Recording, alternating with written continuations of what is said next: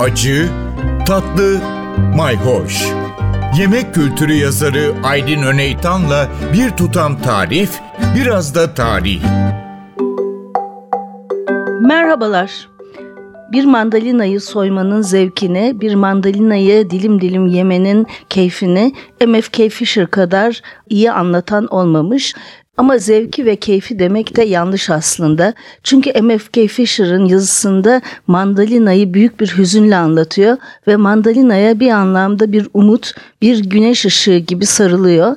E, çünkü 1937'de yayınlanmış dedik. Şubat ayında Strasbourg'da Alsas bölgesinde yazılmış bir hikaye. Hikayenin adı zaten Borderland yani sınır ülkesi o bölgenin savaş zamanında ülkeler arasında kaldığını ve de orada yaşayan insanların Heimatlos yani vatansız olarak kayıtsız kaldığını da söyleyelim. Benim anneannemin babası da savaş yıllarında oralara doğru savrulmuş ve Alsas'ta uzun yıllar Heimatlos olarak yaşamış.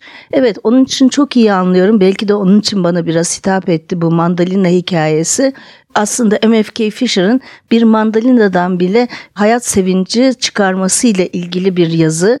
Şimdi ben de size şunu önereceğim. Mandalinaları özellikle de organik alıyorsanız, hele hele King ve Clementine cinsi buluyorsanız, yani o kokulu kabukları, kabukları asla atmayın. Onları kurutun ister kalorifer üstünde, ister soba üstünde ya da sadece öyle bir tabakta. Çünkü onlar sizin çaylarınıza, yemeklerinize, tatlılarınıza lezzet katacak. Mesela bir şerbet hazırlıyorsanız tatlılarınız için ya da ayva tatlısı, kabak tatlısı yapıyorsanız bir iki tane de kurumuş mandalina kabuğu katın içine göreceksiniz farkını. Evet Bodrum mandalinası genellikle o da satsuma cinsi. Havran'dan bahsetmiştik. O da satsuma cinsi.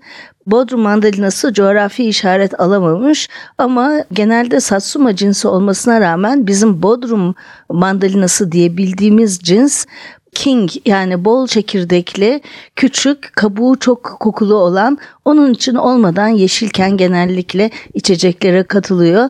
Yemelikten çok aroması için kullanılıyor. Çinliler de mandalina kabuğunu da değerlendiriyorlar. Etli yemeklerine mutlaka koyuyorlar. Etli yemekler derken o tavada hızlı çevrilen yemekler değil, bir de uzun uzun pişen yemekleri var onların. İşte onun içine mutlaka mandalina kabuğu etin kokusunu gidermek için kullanılıyor benim Çin kaynaklarında bulduğum tutum aşı olarak geçen mantının harcında da kıyma ve soğanla birlikte mandalina kabuğu da vardı. Mandalina kabuğu ve hatta yıldız anason.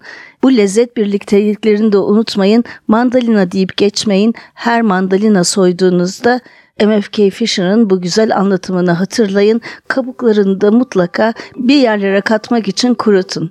Yeni yılınız mandalina'nın şansını getirsin. Takipte kalın, hoşça kalın. Bir tutam tarih, biraz da tarif. Aydın Öneytan'la Acı Tatlı Mayhoş Arşivi ntvradio.com.tr adresinde Spotify ve podcast platformlarında.